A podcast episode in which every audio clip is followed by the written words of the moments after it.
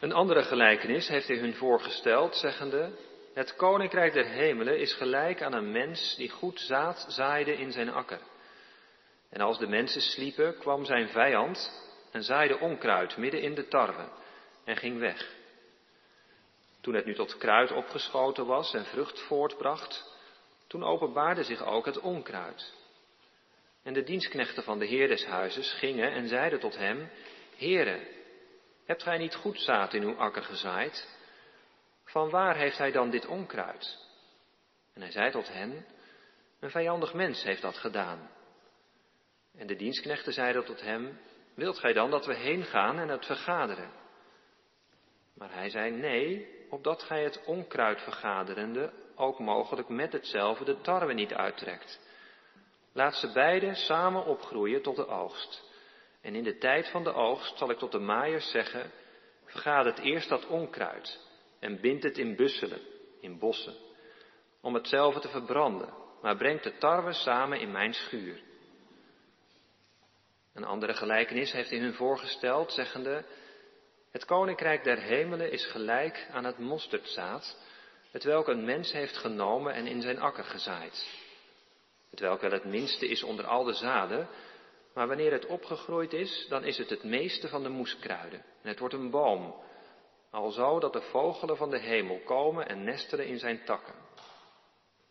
Een andere gelijkenis sprak hij tot hen, zeggende, het koninkrijk der hemelen is gelijk aan een zuurdesem, welke een vrouw nam en verborg in drie maten meel, totdat het geheel gezuurd was. Al deze dingen heeft Jezus tot de schare gesproken door gelijkenissen, en zonder gelijkenis sprak hij tot hen niet. Opdat vervuld zou worden wat gesproken is door de profeet, zeggende, ik zal mijn mond open doen door gelijkenissen.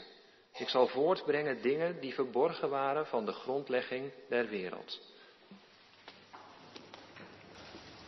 Gemeente, het woord des Heren, waarbij ik u in deze dienst wil bepalen, kunt u vinden in het gedeelte dat we met elkaar hebben gelezen in het Evangelie van Matthäus. Het dertiende hoofdstuk, daarvan het 33ste vers. En daar lezen we Gods woord al dus. Matthäus 13, vers 33.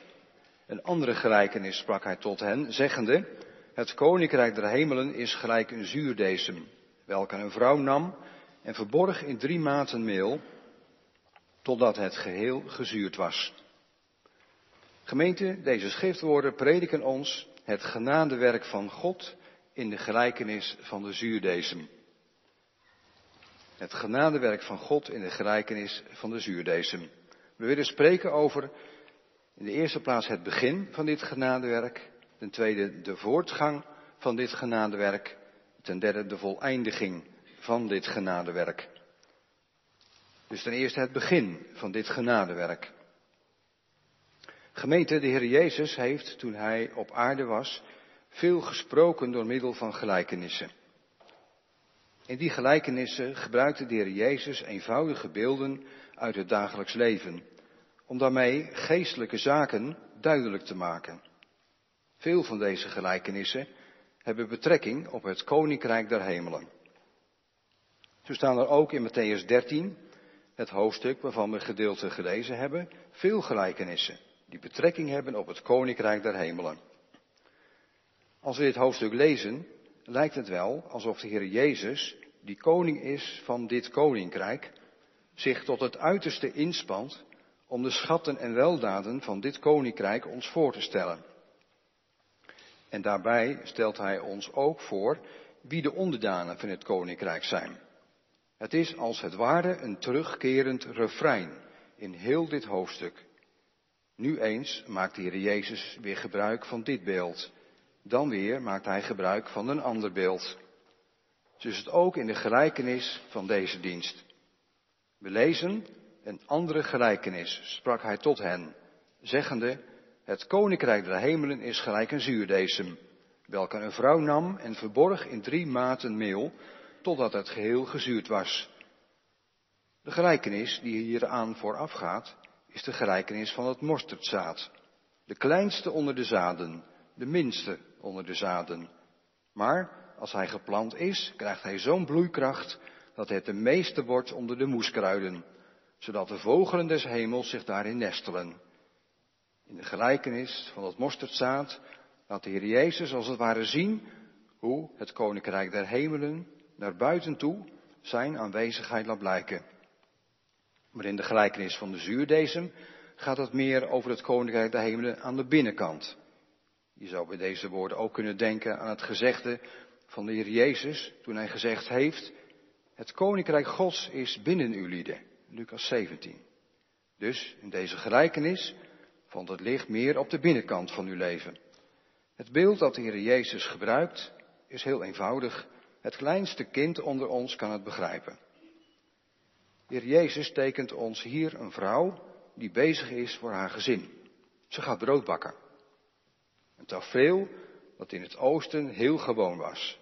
Want daar gingen de moeders niet, zoals bij ons, dagelijks naar de supermarkt of naar de bakker om brood. Nee, daar werd door de moeder zelf iedere dag opnieuw het brood gebakken. In deze gelijkenis treedt een vrouw op de voorgrond. Een vrouw die bezig is om brood te bereiden. Dat is eigenlijk heel opmerkelijk, want het gebeurt in de gelijkenissen maar heel weinig dat een vrouw op de voorgrond treedt. Het gebeurt bijvoorbeeld ook in de gelijkenis van de verloren penning. Maar verder kom je het bijna niet tegen. Wat wil de Heer Jezus met het voorbeeld van deze vrouw uitbeelden? Dan denk ik toch even aan de gelijkenis van de verloren penning. Waar de vrouw alles met bezemen ondersteboven keert om die ene penning te zoeken. Deze gelijkenis hoort bij twee andere gelijkenissen. En wel bij de gelijkenis van het verloren schaap en bij die van de verloren zoon. We lezen dat in Lucas 15. In de eerste gelijkenis van deze drie treedt een herder op de voorgrond, die de 99 schapen in de steek laat voor dat ene dwaalzieke schaap. Daar wijst de Heer Jezus op God de Zoon. Dat is de Heer Jezus, die zelf gezegd heeft, ik ben de goede herder en stel mijn leven voor de schapen. De tweede gelijkenis wijst op de uitziende Vader, op God de Vader en zijn eenzijdige, onbevattelijke liefde van het vaderhart. In de gelijkenis van de verloren penning treedt een vrouw op de voorgrond die het huis met bezemen keert. In die gelijkenis wordt als het ware bijzonder gewezen op de Heilige Geest. De Heilige Geest brengt het verlorene terecht. Als de Heer dan nu in de gelijkenis van de zuurdesem een vrouw tekent, gaan we niet te ver als we daarin eveneens het beeld zien van de Heilige Geest. Wat doet de vrouw in deze gelijkenis? Deze vrouw neemt drie maten meel of deeg. Eén maat is ruim 7 liter, totaal dus zo'n 22 liter. Dus die drie maten meel of deeg, waar wijst dat op? Dat wijst op het menselijke leven. Dat deeg was iedere dag nodig om het menselijke leven te onderhouden. Drie maten meel of deeg was in het oosten de gewone maat om brood te bakken, om een gezin in leven te houden. En daarom zijn drie maten meel of deeg hier het beeld van het menselijke leven. Wat doet deze vrouw nog meer? Ze neemt ook een klompje zuurdeeg of zuurdesem. Wat is zuurdesem? Dat is zuur geworden deeg. U kunt zich voorstellen dat deze vrouw van een van de vorige keren wat deeg heeft overgehouden. Dat heeft ze bewaard. Maar intussen is dat deeg zuur geworden. Want de vrouw weet, wil je luchtig en smakelijk brood bakken, dan heb je dat zuurdeeg, die zuurdesem nodig. Die moet je mengen in het deeg. Als dat gebeurd is, zorgt de zuurdesem in het deeg ervoor dat het gaat rijzen. Zuurdesem heeft ongeveer dezelfde werking als gist. Zonder zuurdesem zul je platte, smakeloze, harde koeken krijgen. Dan wordt het geen smakelijk, luchtig brood. Wat betekent de zuurdesem in deze gelijkenis? Het beeld van de zuurdesem kom je vaker tegen in de Bijbel. De ene keer in een ongunstige betekenis, een andere keer in een gunstige betekenis. Dat zien we vaker bij beelden in de Bijbel. Denkt u maar aan het beeld van de leeuw. Dat kan in een ongunstige betekenis gebruikt worden, bijvoorbeeld als de Satan wordt voorgesteld als een briesende leeuw. Maar het beeld kan ook in een gunstige betekenis gebruikt worden. Want de Heer Jezus wordt de leeuw uit Juda's stam genoemd. En zo heeft ook zuurdesem een ongunstige, maar ook een gunstige betekenis. De zuurdesem komt in Heilige Schrift vaak voor in een ongunstige betekenis. U weet het wel. Als het Pascha gevierd werd, mocht er in het hele huis geen zuurdesem te vinden zijn. Dan mocht er zelfs niets gezuurd zijn in huis.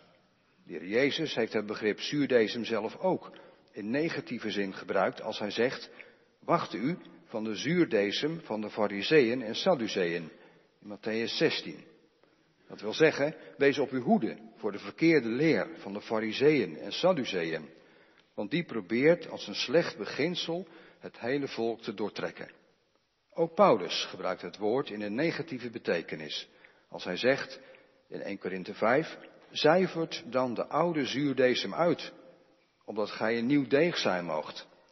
Dus we zien dat de Heilige Schrift zuurdesem vaak in een ongunstige betekenis gebruikt. Zuurdesem wordt dan gebruikt als beeld van de zonde, van de onreinheid, van de ongerechtigheid. Maar gemeente, in deze gelijkenis vergelijkt de Heer Jezus het koninkrijk der hemelen met zuurdesem. U begrijpt dus wel dat de Heer Jezus het woord hier in gunstige zin bedoelt. Waarvan is de zuurdesem hier een beeld? De zuurdesem ziet op de krachten in het koninkrijk van God. Anders gezegd, de zuurdesem is het beeld van het woord van God van het evangelie. Het is het beeld van de Heer Jezus als de grote inhoud van het evangelie. Zo lezen we hier dat de Heer Jezus zegt, het koninkrijk der hemelen is gelijk een zuurdesem. U kunt hier ook lezen, het koninkrijk der hemelen is gelijk Christus. Jezus Christus kan inderdaad zeggen, het koninkrijk der hemelen, dat ben ik.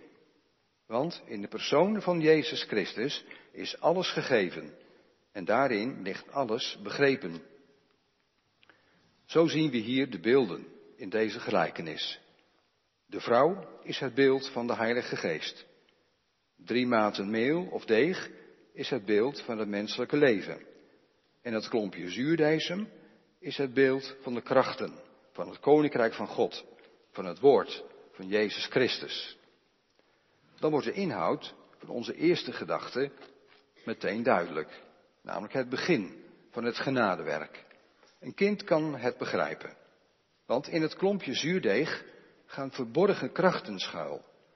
Als ik hier in mijn ene hand drie maten deeg heb en in mijn andere hand een klein klompje zuurdesem, hoe kan dan die zuurdesem in het deeg zijn krachten laten gelden? Een kind begrijpt dat. De zuurdesem moet in het deeg gebracht worden. Komt die zuurdesem vanzelf in dat deeg? Nee, natuurlijk niet. Wie brengt in deze gelijkenis dan de zuurdesem in dat deeg? Dat doet de vrouw. Want als de zuurdesem niet in die drie maten deeg wordt gebracht, ligt dat deeg daar roer, roerloos stil. En dan blijft het bovendien ook een smakeloos deeg. Zo is het ook met u, met mij en met jullie, meisjes en jongens. Als de zuurdesem van het woord, de zuurdesem van het evangelie, niet in het drie maten deeg van onze menselijke natuur wordt ingebracht, hoe is het dan met ons leven? Wel, dan liggen die drie maten deeg voor ons menselijk leven roerloos. Dat is de stilte van de dood. Oh, het is waar. Dan maak ik mij om van alles en nog wat druk. Maar ik maak me niet druk over het ene nodige. Namelijk dat ik een ziel heb voor de eeuwigheid, die geborgen moet zijn voor Gods toren. Bij alles wat belangrijk is in mijn leven, moet er eerst persoonlijk een antwoord komen op de vraag, mijn ziel, doorziet gij uw lot? Hoe zult gij rechtvaardig verschijnen voor God? Gemeente, als de zuurdesem van het woord niet in de drie maten deeg van mijn menselijk leven is ingebracht, moet ik zeggen, die drie maten deeg zijn smakeloos. Mijn leven is dan smakeloos, roerloos, dood voor God. Leg daar uw leven eens naast. Hebt u dat wel eens beleden voor de Heer? meisjes en jongens, hebben jullie dat wel eens met verdriet voor God leren accepteren? Want dan horen we nu ook het wonder. Als deze vrouw de zuurdeeg brengt in die drie maten deeg, gaat de zuurdesem zijn werkingskracht bewijzen. Zo is het ook met de Heilige Geest. Als de Heilige Geest, de geest van de Heer Jezus Christus, de zuurdesem voor het woord brengt in de mens, in de drie maten deeg van uw leven, dan is het afgelopen met de roerloosheid van uw leven. Dan komt er een haasten en een spoeden om uw levenswil. Dan word ik gewaar dat ik een eeuwigheidsschepsel ben. Dan komt er een tijd in uw leven dat het woord beslag gaat leggen op uw leven.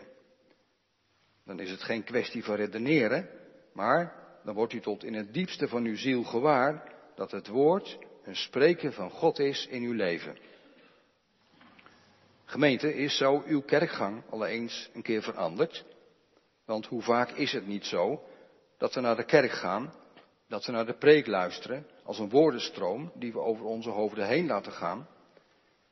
Als dan later iemand spreken en hij of zij vraagt of we wat aan de preek hadden, dan zeggen we, oh, wat was het ook alweer? Over welke tekst ging het ook alweer?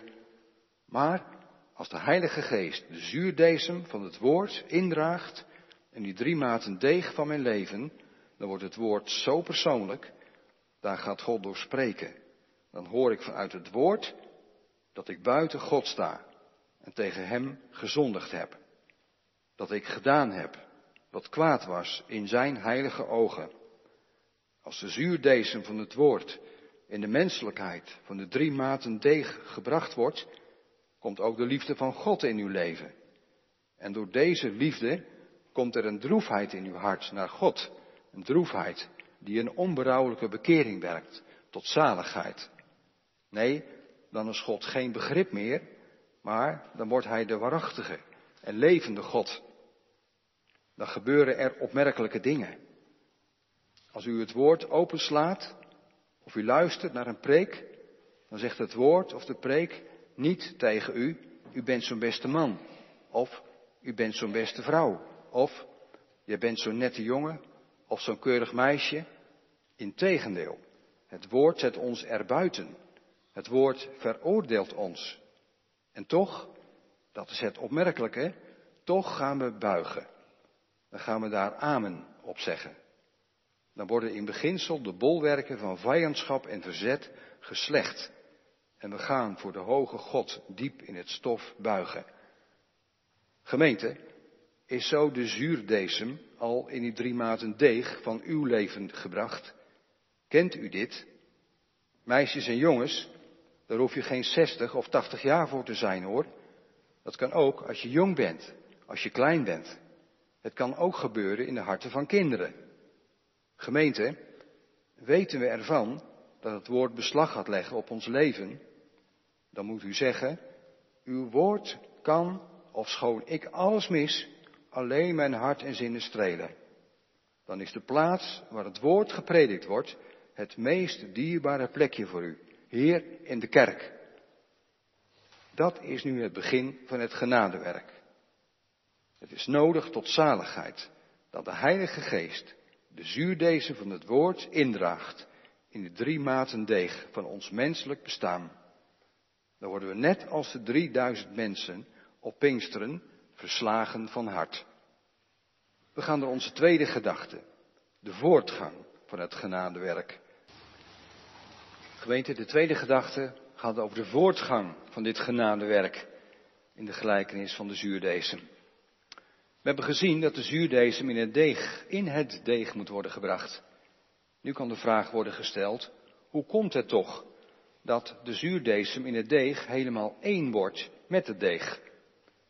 De zuurdesem en het deeg gaan immers helemaal in elkaar over. De zuurdesem en het deeg stoten elkaar niet af. Ik gebruik een voorbeeld om dit duidelijk te maken. Als u bijvoorbeeld deeg hebt en u mengt het met krenten en rozijnen, dan krijgt u een deeg, ja, met krenten en rozijnen. Dat deeg blijft deeg. En die krenten en rozijnen blijven krenten en rozijnen. Als het deeg tot brood gebakken is, hebt u een krentenbrood. De krenten en rozijnen zitten overal in het brood, maar ze hebben zich niet met elkaar vermengd. Ze zijn dus niet één met het deeg geworden. U blijft die krenten en rozijnen zien en u kunt ze er ook weer uithalen. Met de zuurdesem is dat echter heel anders. Zodra u de zuurdesem in het deeg brengt, hebben ze vat op elkaar. De zuurdesem en het deeg gaan in elkaar over. Hoe komt dat?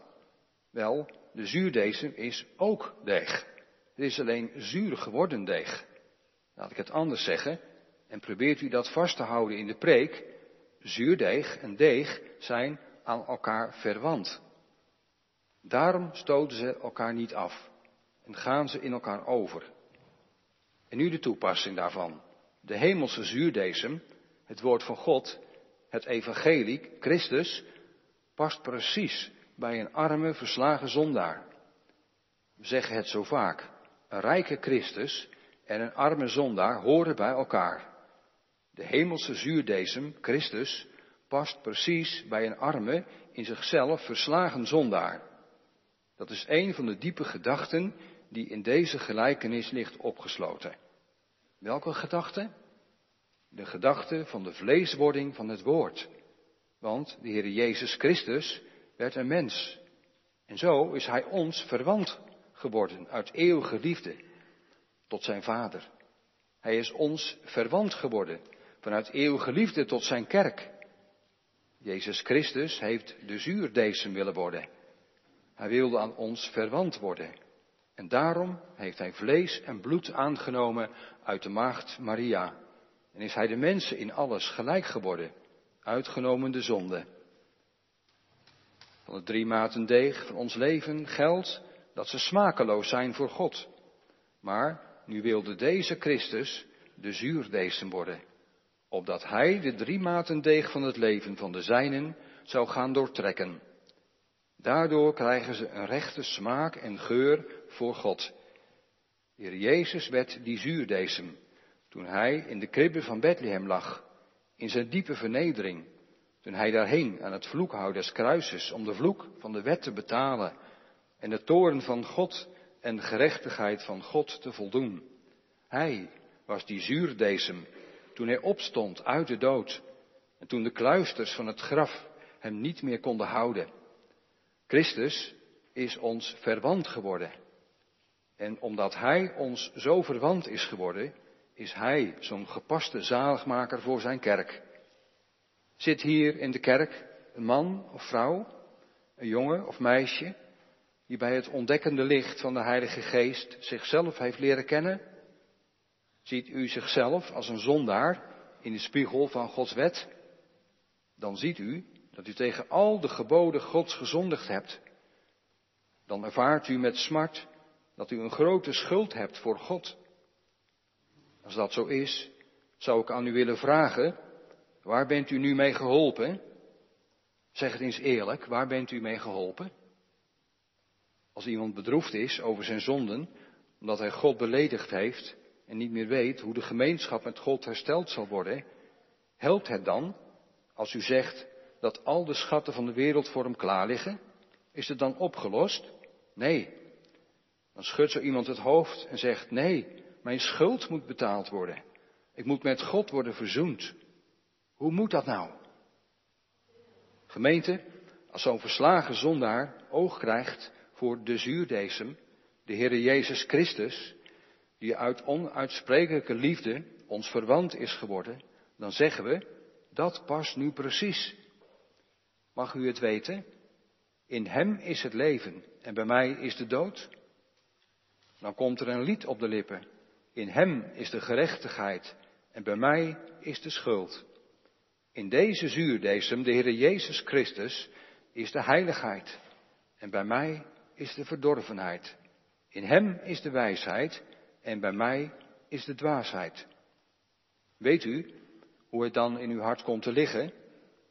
Dan wilt u uw hele leven lang Hem, die hemelse zuurdesem, Jezus Christus, wel naschreien, opdat Hij zijn werkingskracht in uw hart en uw leven wil bewijzen. Zijn uw ogen daar wel eens voor open gegaan? We gaan verder. Aan die drie maten deeg van ons leven hangt een bepaalde geur. Wanneer we er erg in krijgen hoe vuil en onwelriekend wij zijn tegenover God, dan gaat het hoofd naar beneden. Dan moet u zeggen, wat heb ik eigenlijk veel praatjes gehad. Dan hebt u niet zoveel praatjes meer. Dan bent u een stank in de neusgaten van God. Wat doen wij met iets wat stinkt? Dan knijpen we onze neus dicht en zeggen, bah, dat stinkt, weg ermee. Dan wordt het zo'n wonder dat de Heere dit nog niet met ons gedaan heeft. Dan wordt het een wonder dat Hij mij nog niet heeft weggeslagen van voor zijn aangezicht. Maar aan de hemelse zuurdesem, Jezus Christus, hangt ook een geur. En weet u welke geur dat is? Dat is de geur van de eeuwige liefde Gods. De geur van de eeuwige liefde, dat God naar zijn welbehagen, naar zijn onbegrijpelijke en onbevattelijke liefde heeft gewild, dat ondanks de diepte van Adams val verloren zondaren zalig zouden worden. Daartoe heeft hij een weg uitgedacht. En deze is in Jezus Christus geopenbaard. Inderdaad, dan hangt er aan de zuurdesem Christus de geur van de eeuwige liefde van God. En dan ga ik stamelen. Heren, wat heeft u toch bewogen? Hoe is het toch mogelijk? Er is niet alleen de geur van zijn eeuwige liefde, maar aan de zuurdesem Christus hangt ook de geur van zijn bloed. Deze geur van zijn bloed is zondebedekkend en schuldvergevend. Deze geur van Jezus bloed is levensvernieuwend en spreekt betere dingen dan het bloed van Abel. Dat bloed spreekt van verzoening. Aan de zuurdesem Christus hangt ook de geur van de vrede met God. Dat is de vrede die alle verstand te boven gaat en die hart en zinnen bewaart in Jezus Christus. Wij dan, gerechtvaardigd zijnde uit het geloof, hebben vrede bij God door onze Heere Jezus Christus. Daar is de vrouw uit onze gelijkenis, de Heilige Geest, ten volle bij betrokken.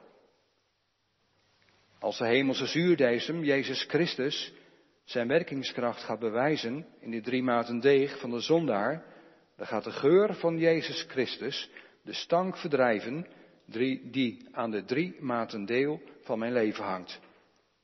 In het natuurlijke leven werkt de zuurdesem in op het deeg. Deze rust niet totdat het zijn werkingskracht in alle delen van het deeg heeft gedaan. Zo is het ook met de hemelse zuurdesem Christus. Hij rust niet voordat hij eenmaal één is geworden met de drie maten deeg van het leven van zijn kinderen. Hij rust niet voordat hij dat helemaal heeft doorzuurd en zijn werkingskracht in alle delen van hun leven heeft uitgewerkt. Dan hoort u de vrucht daarvan in het leven van Paulus, die zegt, door mijn ik is een streep gezet. Niet meer ik, maar Christus leeft in mij. En wat ik nu leef, dat leef ik door het geloof in de Zoon van God, die zich voor mij heeft overgegeven. De zuurdesem gaat door naar alle delen van het deeg. Maar om de zuurdesem in alle delen van het deeg zijn werkingskracht te laten doen, moet de vrouw uit de gelijkenis het deeg gaan kneden. Dat betekent niet zomaar een beetje in het deeg knijpen. Nee, als deeg echt gekneed wordt, moet er op geslagen worden. Er moet er aan geschud worden. Er moet aan getrokken worden. En het moet weer in elkaar geslagen worden. Want de zuurdeeg moet erin. In de gelijkenis is dat het kneden, is dat kneden het werk van de vrouw. En zo is het nu ook met het werk van de Heilige Geest. Het is zijn werk om de hemelse zuurdesem Christus, als het ware, door mijn leven heen te kneden. Dan gaat Christus in mijn leven zijn werkingskracht bewijzen en dan wordt zijn overstromend leven in mij overgebracht door de Heilige Geest. We lezen dat Christus zo teer spreekt over de vereniging met zijn bruid, als hij zegt, vlees van mijn vlees en been van mijn gebeente. Dat is de ene kant. Christus wil helemaal één worden met de drie maten deeg in het leven van de zijnen. En aan de andere kant, drie maten deeg van het leven van de zijnen gaan nu Christus als de hemelse zuurdesem aannemen in de oefening van het geschonken geloof. Ze nemen de zuurdesem Christus aan tot rechtvaardigmaking, dat is tot vergeving van de zonde. Ze nemen Christus door het geloof aan tot heiligmaking, dat is tot uitdelging van de smet van de zonde. Weet u wat er altijd openbaar komt als de Heere ons zo gaat kneden? Dan komt die andere zuurdesem weer naar, naar voren. Weet u welke? De zuurdesem waar we in het begin over gesproken hebben. Die in ongunstige zin zijn werk doet. Dat is de zuurdesem van de zonde en de boosheid in mijn leven. Dat is de desem van de ongerechtigheid in mijn hart. Die zich verzet tegen de geldingskracht van de hemelse zuurdesem Jezus Christus. Wat is het gelukkig als dit proces toch doorgaat. Ik word als vijand in mezelf uitgeschud, maar het proces gaat toch door. Want de Heer Jezus zegt in deze gelijkenis, het koninkrijk der hemelen is gelijk aan een zuurdesem, welke een vrouw nam en verborg in drie maten meel, totdat het geheel gezuurd was. We gaan naar onze laatste gedachte, de voleindiging van dit genadewerk. Gemeente, we hebben gezien het begin van dit genadewerk en de voortgang van dit genadewerk. En tenslotte de voleindiging van dit genadewerk van God in de gelijkenis van de zuurdesem. We lezen totdat het geheel gezuurd was. We weten allemaal dat als wij zuurdesem in deeg inbrengen, we nooit kunnen zeggen, die zuurdesem moet maar de helft of driekwart van het deeg doorzuren. Dat gaat niet. Als die zuurdesem eenmaal erin gebracht is, krijg je hem er niet meer uit. Dan werkt die door totdat het hele deeg doorzuurd is. Wat betekent dit beeld deze gelijkenis? Dat betekent dat wat God begonnen is, Hij dat zal voleindigen tot op de dag van Jezus Christus. Nu kan het zijn dat er een man of een vrouw in de kerk zit die zegt, is dat zo? U weet niet hoe ik in de kerk zit. En de mensen die voor en achter mij zitten weten ook niet hoe het van binnen is. Hoe is het dan bij u van binnen? U zegt, het begin van de preek kon ik nog wel volgen. Daar kon ik nog wel in mee. En ook in de voortgang kon ik wel mee. Al was het dan aarzelend. Maar als ik naar mijn leven kijk, zie ik er niets in van de doorwerking. Is het zo in uw leven? Dat kan ik begrijpen. Maar weet u, wat we dan niet moeten vergeten, zet u daar maar een streep onder in uw Bijbel. Er staat van deze vrouw dat zij de zuurdesem verborg in het deeg. Dat wil zeggen dat die zuurdesem verborgen onnaspeurlijke wegen gaat. Hoe gaat dat bij zuurdesem? Ik sprak iemand die als hobby zelf brood bakt. Niet met gist, maar ook met echt zuurdesem. Hij vertelde mij dat er een groot verschil is met gist. Want als je gist in beslag doet, gaat dat beslag heel erg snel rijzen. En geef je daar een klap op, dan zakt het ontzettend snel in elkaar. Maar sta je bij een deeg met zuurdesem, dan zie je dat deeg heel erg langzaam rijzen.